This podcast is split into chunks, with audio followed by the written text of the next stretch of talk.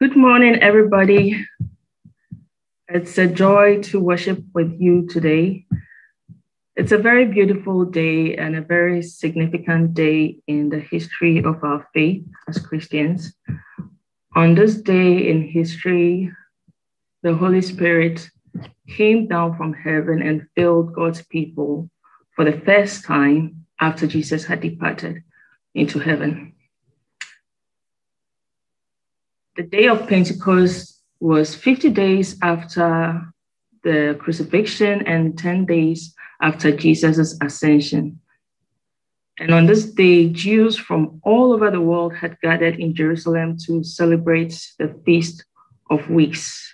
Today is the day of Pentecost. Today in history is the day of Pentecost. And as we remember Pentecost, we want to remind ourselves of what that day stood for and what it means to us as Christians. Amen.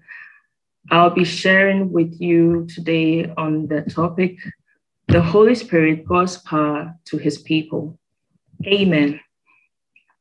I am very expectant today. I am very excited about today. I strongly believe that something very unique is going to happen in our lives and in our hearts today. Because you know what? On the day of Pentecost, one thing that was very interesting is that um, people from Jews from all over the world had gathered in Jerusalem, and all the disciples of Jesus were gathered in one place to celebrate the Feast of Weeks. It was a normal Sunday like this. And then that was the day God chose that the Holy Spirit would come upon his people. So they did not know that the Holy Spirit was going to come on the day of Pentecost. But when they gathered and God, as they as they shared in fellowship, the Holy Spirit visited them. I am quite expectant, and I'm praying that every one of us today, as we go through the service, we will be filled. I mean, the God will open the floodgates of heaven and fill us immeasurably with his presence, his power, and his spirit as we go through the service today. This is my prayer, and I pray that you open up your hearts, you open up your spirits, and receive the grace of God. Amen. Now, before the day of Pentecost, earlier on, um, Jesus had been talking to his disciples about who the Holy Spirit is in different, different ways and on many occasions. And one of such occasions was in John chapter 14, from verse 15 to 18. And this was towards the end of Jesus' ministry, when he was about to depart, when he was about to die, in John chapter 14, from verse 15 to 18, he says, If you love me, keep my commandments, and I will pray the Father, and he will give you another helper, that he may abide with you forever, the Holy Spirit, the Spirit of truth, whom the world cannot receive because it neither sees him nor knows him. But you know him, for he dwells with you and he will be in you. I will not leave you as orphans. I will come to you. Amen. I will not leave you as orphans. I will come to you. And then again, he said on in Acts chapter 1. And in Acts, this was after Jesus had died and resurrected. And Jesus had appeared to the disciples in many days, over a period of 40 days. And on the Ascension Day, we read from Acts chapter 1, from verse 4 to 5 and verse 8, that on one occasion, while he was eating with them, he gave them this command Do not leave Jerusalem, but wait for the gift my father promised, which you have heard me speak about. For John baptized with water, but in a few days you will be baptized with the Holy Spirit. But you will receive power when the Holy Spirit comes on you, and you will be my witnesses in Jerusalem and in all Judea and Samaria and to the ends of the earth. You will receive power when the Holy Spirit comes on you, and you will be my witnesses in Jerusalem and in all Judea and Samaria and to the ends of the earth. Amen. He said that John baptized with water, but in a few days, which was just 10 days after he had said this, you are going to be baptized with the Holy Spirit. What is baptism? Complete submersion, completely being completely covered in something. Amen. So now let's read Acts chapter 2, which was um, the day of Pentecost. Acts chapter 2, the Holy Spirit comes on Pentecost. Um, if you have time, later after the service, you can read the entire Acts chapter 2. But for the sake of this message and for today's purposes, I'll be reading excerpts of Acts chapter 2. So, first of all, we read from verse 1 to 8, Acts chapter 2, from verse 1 to 8. When the day of Pentecost came, they were all together in one place Suddenly, a sound like the blowing of a violent wind came from heaven and filled the whole house where they were sitting. They saw what seemed to be tongues of fire that separated and sorry, um, they saw what seemed to be tongues of fire that separated and came to rest on each of them. All of them were filled with the Holy Spirit and began to speak in other tongues as the Spirit enabled them. Now they were staying in Jerusalem, God fearing Jews from every nation under heaven. When they heard the sound, a crowd came together in bewilderment because each one heard their own language being spoken. Oddly amazed, they asked, Aren't all these who are speaking Galileans? Then how is it that each of us hears them in our native language? Verse 11 we hear them declaring the wonders of God in our own tongues. Amazed and perplexed, they asked one another, What does this mean? Verse 14 to 16. Then Peter stood up in with the eleven, raised his voice, and addressed the crowd Fellow Jews, and all of you who live in Jerusalem, let me explain this to you. Listen carefully to what I say these people are not drunk, as you suppose. It's only nine in the morning. No, this is what was spoken by the prophet Joel. You can read the rest. I continue from verse 36, from verse 36 to 39. Therefore, let all Israel be assured of this God has made this Jesus, whom you crucified, both Lord and Messiah. When the people heard this, they were cut to the heart and said to Peter and the other apostles, Brothers, what shall we do? Peter replied, Repent and be baptized, every one of you, in the name of Jesus Christ for the forgiveness of your sins, and you will receive the gift of the Holy Spirit. The promise is for you and your children and for all who are far off, for all whom the Lord our God will call. Verse 41 Those who accepted this message were baptized, and about 3,000 were added to their number that day. Amen. About 3,000 were added to their number that day.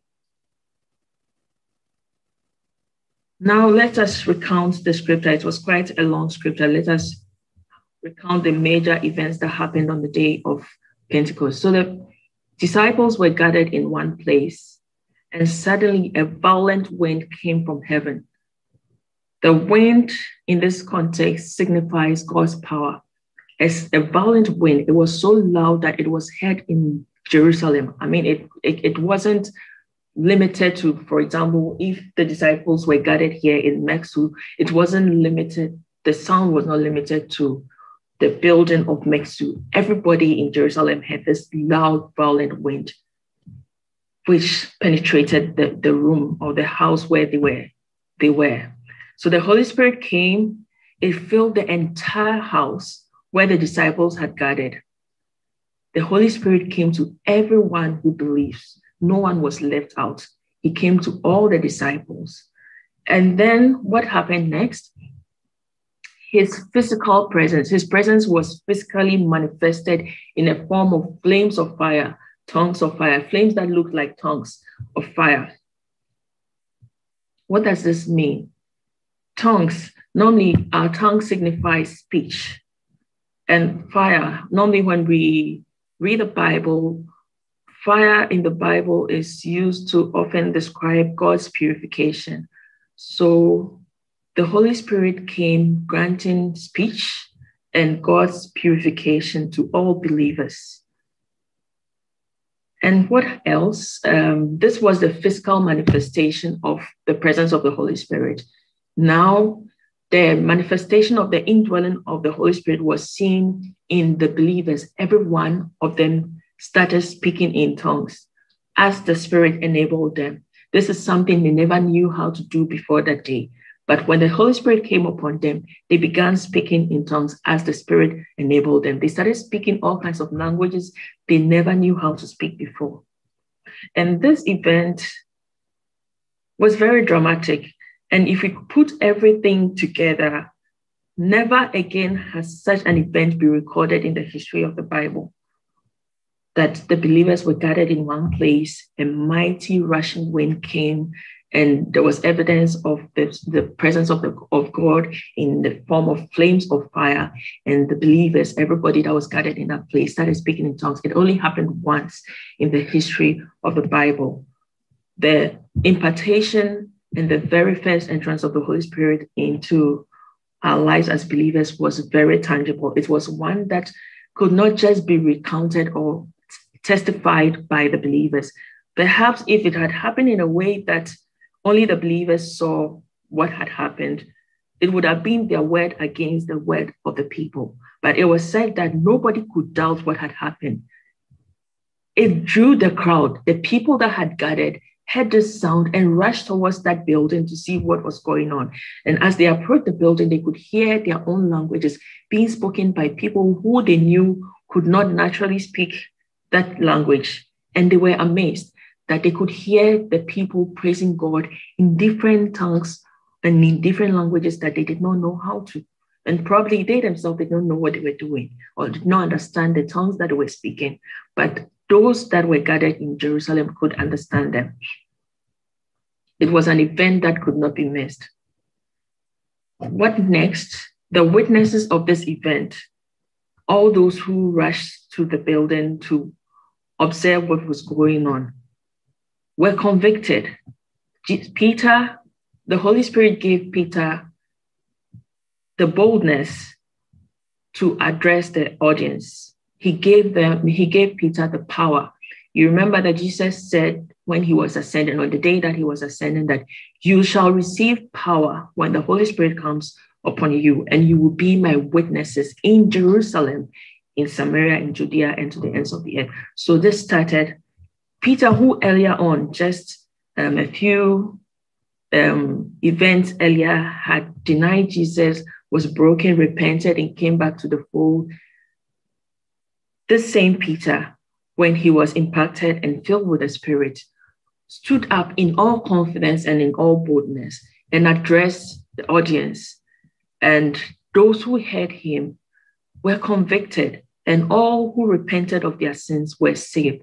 The Bible records that 3,000, about 3,000 people, and I believe this does not include women and children, as we saw in the history of the Bible, that mostly when they were counting in those days, they did not count women and children. So you can imagine the kind of revival that happened on the day of Pentecost. About 3,000, over 3,000 people were added to the numbers of the believers. Amen. Now, let us just remind ourselves a bit about who we are talking about here the Holy Spirit. Who is the Holy Spirit? The Holy Spirit is the third person of the Godhead, the third person of the Trinity. We have God the Father, we have God the Son, Jesus Christ, who came to earth to preach, to heal, and to deliver. And we have God the Holy Spirit, who now indwells believers after Jesus had left the earth. The Holy Spirit is God's gift to the church, his representation on earth, residing in all of us who believe in him. Jesus described the Holy Spirit in different ways and on many occasions. He said, for example, that he is our helper, he is the spirit of truth, he is our comforter, etc. His names and his attributes are so many the impartation of the Holy Spirit gave the Christians or the believers of the day boldness to witness the gospel. And his presence in our lives is what gives us the courage and the boldness to preach the gospel in our times. And now let's look at the essence and the timing of the impartation of the Holy Spirit. We realize that during Jesus' time, he was normally with the disciples he was always being followed by his disciple. Normally, he was with them or he was in prayer. And the physical presence of God was with those that believed. Now, Jesus left and he said that I will not leave you as orphans. I will come to you. I'll pray the Father and he will send you a helper. I will not leave you as orphans. I will come to you. We see here Jesus affirming the Trinity, his oneness with the Holy Spirit, that even though he was gone, he was going to come back to them in the form of the Spirit. After Pentecost, why was it relevant that the Holy Spirit comes? We realize that Jesus was always with his disciples, but look at what happened even on the day of Pentecost. About 3,000 people were added to the number of believers. Over 3,000 people were added to the number of believers. What does this mean? He said, You shall be my witnesses in Jerusalem, in Judea, in Samaria, and to the ends of the earth. Jesus, if Jesus was still present with the disciples, he would not have been able to follow each of them to Jerusalem, Judea, Samaria, to the ends of the earth. The Spirit's presence in our lives or the ministry of the Holy Spirit made it possible for the church to spread to the ends of the earth. So we realize that the church grew enormously, or the, the disciples or the people of God, the numbers of those who came to believe in Jesus grew enormously. This, the, um, you, as we read in um, Acts of the Apostle, if you read the latter chapters, you see that the, the, those who believed were being added on daily basis. People came to faith on daily basis, people believed, people came, the numbers were increasing. It came to a point where even the 12 disciples were not enough to minister to the numbers that were coming into the church. And that is why it was necessary for the Holy Spirit to be given to the church at this time, so that wherever we are, God's presence will be with us. We did not need the physical presence of Jesus who was just one person who was with them at one point in time. But now God's presence was with everybody everywhere they were. So his spirit made it possible for the church to spread to the ends of the earth without being cut off the power of God. Amen. What is the Holy Spirit's role in our life? I believe that there are so many things the Holy Spirit does in our lives, but I'm going to concentrate on just five areas today. First of all, the Holy Spirit convicts us of our sins and purifies us, as we saw in Acts chapter 2, when those who were yet to encounter the presence of God heard what had happened. They were convicted. They were convicted of their sins. And the Holy Spirit purified them as they repented so that they can be added to the fold. In our daily lives as well, the Holy Spirit convicts us of wrongdoing, and He also is the one who purifies us and cleanses us when we repent of our sins. Number two, the Holy Spirit is the seal of the believer. He is God's seal upon our lives. He is God's mark, indelible mark on the believer. Jesus said that He will be with us forever. When, the, when we come to faith, and we believe in the Holy Spirit, he comes to abide in us forever, as Jesus has said. Let us read Ephesians chapter 1 from verse 13 to 14. Ephesians chapter 1, 13 to 14. And you also were included in Jesus, in Christ, when you heard the message of truth, the gospel of your salvation. When you believed, you were marked in him with a seal the promised Holy Spirit, who is a deposit guaranteeing our inheritance until the redemption of those who are God's possession, to the praise of his glory. Amen. The Holy Spirit is the seal, God's indelible mark, the, the mark of God's presence, the mark of the ownership that we are his. He is a seal is something that also signifies protection against tampering. With God's presence in our lives, the enemy cannot temper. He can tempt us, but he cannot evade our lives. He cannot temper with us. He cannot snatch us. Jesus said that none, no one can snatch them from me. Amen. And he also signifies that we are his forever. Amen. Number three, the Holy Spirit is the believer's inner voice. In John chapter 16, verse 13, we read Jesus said that when the Spirit of truth comes, he will guide you into all truth. When the Spirit of truth comes, he will guide you into all truth. So in our daily walk, we realize that we are not alone if we are conscious of his presence, as we heard in the worship song earlier on. Let us become more aware of your presence. He is that inner voice that is constantly guiding us. He is constantly leading us. You hear somebody something telling you when you are tempted to do wrong, that watch it. That is the Holy Spirit. Number four, the Holy Spirit is the strength and the tenacity of the believer. He gives us power to live triumphant lives and in two ways. First of all, via the fruit he bears in us, through the fruit he bears in us.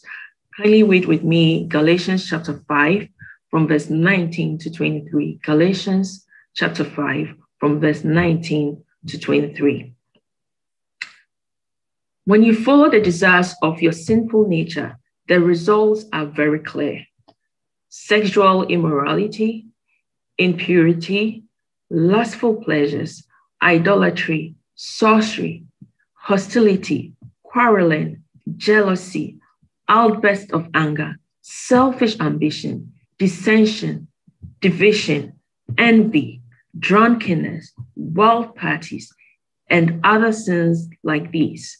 Let me tell you again, as I have before, that anyone living that sort of life will not inherit the kingdom of God. But the Holy Spirit produces this kind of fruit in our lives love, joy, peace, patience, kindness, goodness, faithfulness, gentleness, and self control. There is no law against these things. I read the verse 22 again. But the Holy Spirit produces this kind of fruit in our lives love, joy, peace, patience, kindness, goodness, faithfulness, gentleness, and self control. There is no law against these things. Amen. In a world where immorality and all manner of vices have become the norm, it has become normalized. The Spirit of God gives us power to live above the standards and the norms of this world. Amen. Love is stronger than hate. Love is stronger than division. It is stronger than selfish ambitions. It does not seek its own way. Joy, it doesn't mean that you will not have troubles. It doesn't mean that you will not face trials and temptations. It doesn't mean that you will not face hardships, but there's this deep seated joy, there's this deep seated happiness that is not informed by the things that are happening around the believer but it's just from within. It is what sustains us. The Holy Spirit also produces in us peace, peace in the midst of storms, peace in the midst of trials, peace in the midst of turbulent times, peace in the midst of situations where we should face anxiety, where we will naturally be anxious, where we will be naturally worried or overwhelmed. The Holy Spirit bears the fruits of peace in us and He gives us patience. Yesterday, as I was reflecting on this, I realized how often I'm impatient, and I asked myself, Am I allowing the Holy Spirit in this aspect of my life when I'm losing my patience? Patience, patience. He, he, I mean, this is power. We are not talking about there is, yes, that the physical presence of the Holy Spirit when he came in a mighty rushing wind in a very powerful way. And there's always also this meekness of the Holy Spirit, which produces this inner power in us to do the exceptional, the unlikely, the things that we would otherwise not do. This is power. Amen. Self control, self control when we are tempted to do wrong, when everybody says that this is what we will naturally do, this is what where everybody is going, the Holy Spirit gives us the grace to walk in the narrow way. Amen. On that narrow path. The second aspect of the, the triumphant life that the Holy Spirit gives us is, as we see in the edification and the strengthening that He gives us, in the form of speaking in tongues. Kindly read with me Romans chapter 8 from verse um, Romans chapter 8, 28, 26, sorry, Romans 8, 26. In the same way, the Spirit helps us in our weakness. We do not know what we ought to pray for, but the, but the Spirit Himself intercedes for us through wordless groans. We do not know what we ought to pray for, but the Spirit Himself intercedes for us through wordless groans. And we also saw on the day of Pentecost that one of the evidence of his presence in the believers was they began to speak in tongues as the Spirit enabled them. If you already speak in tongues, I entreat you that make it a daily practice. Make it a daily practice to speak in tongues. We do not know what we, we don't always know how to pray. But as we speak in tongues, as we have read in Romans chapter 8, the Holy Spirit Himself intercedes on our behalf. He goes before the Father with the right, with the right words that we should approach Him, that we may receive the right answers. He strengthens us. He who speaks in tongues edifies himself. You strengthen yourself when you speak in tongues. If you do not speak in tongues yet, I entreat you. This is a major topic that can be addressed or preach on a separate day, but it is my prayer that as we go through this service, the Holy Spirit will fill you and enable you to speak in tongues. And I pray that you daily and um, daily yearn for this, the gift of speaking in tongues because it, it makes you powerful. It adds an extra layer of power to the life of the believer. Amen. Number five, the Holy Spirit makes us an effective witness. He makes us effective witnesses for Christ. Jesus said in Acts chapter 1, verse 8, that you shall receive power when the Holy Spirit comes upon you, and you shall be my witnesses. Next, you shall be my witnesses. Amen. So, in summary, the Holy Spirit is God's presence with us now on earth as Jesus has ascended into heaven. He seals us, he strengthens us, He equips us so that we can be effective witnesses of the gospel wherever we find ourselves. Amen. How can we receive the Holy Spirit or how and how can we be full of him? As the scripture said in Acts chapter 2 verse 38, Peter replied, "Repent and be baptized every one of you in the name of Jesus Christ for the forgiveness of your sins, and you will receive the gift of the Holy Spirit. So, first of all, before we come to Christ, we may not have the Holy Spirit, but when we repent of our sins and accept Jesus Christ, the Holy Spirit comes to dwell in us and comes to be the seal and the evidence that we are now sons and daughters of God this is how we receive the Holy Spirit. Now, how do we walk in His fullness?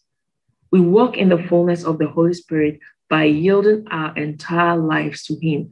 God is interested in every aspect of our lives, every single detail of our lives. Not those aspects, not just the major aspect, but every single detail, even what we eat, our diet, our health, our work, whatever we do, as we yield it daily to the guidance and the leadership of the Holy Spirit, we are full of Him. He, he fills us with His guidance, with His leadership, and with His power.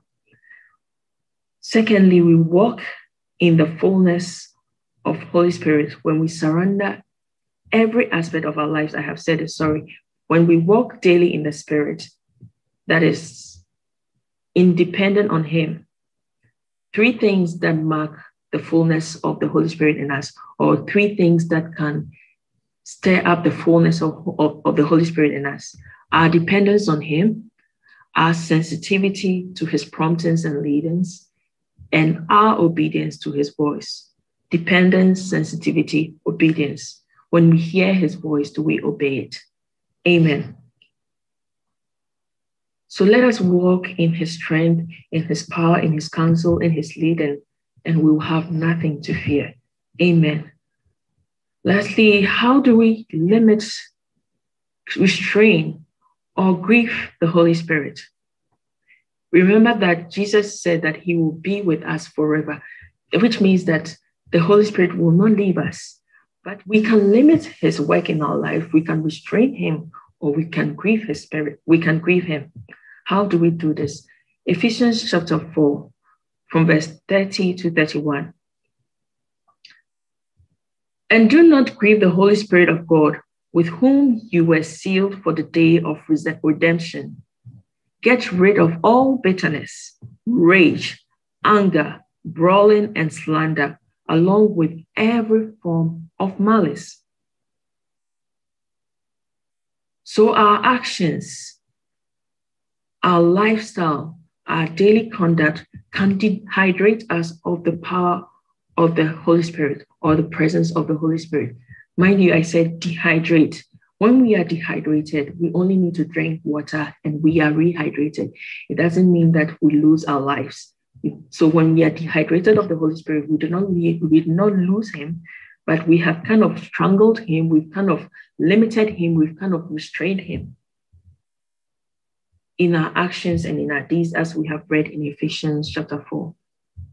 Whatever we do apart from the Holy Spirit, outside what requires of us, that is, outside what the Word of God requires of us, is done in the flesh and is carnal. May I say that our tendency to succumb to temptations in our lives can normally be traced to our rebellion against the voice of the Holy Spirit and the leading of the Holy Spirit. If we will be sincere with ourselves, this is true. Whenever we are tempted to do wrong and we tilt or gravitate towards wrongdoing, we are kind of shutting that inner voice in us. We know that this is wrong. We know that we shouldn't be doing this, but we are restraining the voice that is telling us the right thing to do. So sometimes we hear his promptings. He points out the truth to us, reminding us of what the Bible tells us to do, and yet we choose to do otherwise. Our rebellion, disobedience often leads us out of God's will and into the enemy's trap. Remember that in Ecclesiastes chapter 10, verse 8, the scripture says that he who breaks the hedge, the serpent shall bite. So when we step out of the will of God, when we step out of his word, when we act outside the word of God, we expose ourselves to temptations, we expose ourselves to the attacks of the enemy. Amen. As I bring this message to a close, um, let us recap all that has been said today. Today is the day of Pentecost, and we remember how the Holy Spirit filled the people of God on the day of Pentecost today in history. The Holy Spirit is God's promise to us and his seal on all of us who believe in him. That is number one. Two, when we come to faith, the Holy Spirit indwells us as a guarantee that we belong to God. He also protects us from tampering no one can snatch us from the hands of God when we come to faith because of the seal of the Holy Spirit on us. Number three, the Holy Spirit purifies us, He strengthens us, He helps us in our daily lives and enables us to become effective witnesses of the gospel. Four, when we are sensitive, obedient to the Holy Spirit, we manifest the fruit He bears in us that is love, joy, peace, patience, kindness, goodness, faithfulness, gentleness, and self control. This is the power of the believer.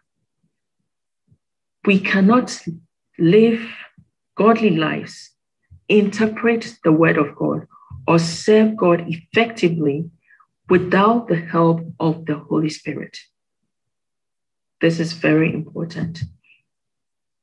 Number six, for every one of us who believes in Jesus, the Holy Spirit is with us forever, and He is for us. Number seven, are we treating the Holy Spirit as a guest we entertain only when we need Him or are ready for Him? Or we are walking with Him as our daily companion, our daily confidant, and our daily guide? 8 today, as we celebrate the day of Pentecost, may we be reminded that God has given each and every one of us who believe in Him power. Power. The Holy Spirit is God's power to us. Power to live sanctified lives, power to live triumphant lives, and power to be effective witnesses wherever He places us, in word and in deed. Our lifestyles must show that we believe. Our lifestyles must distinguish us from the world. Our lifestyles must show or reveal to others that there is something re- residing in us that is more powerful than who we truly are.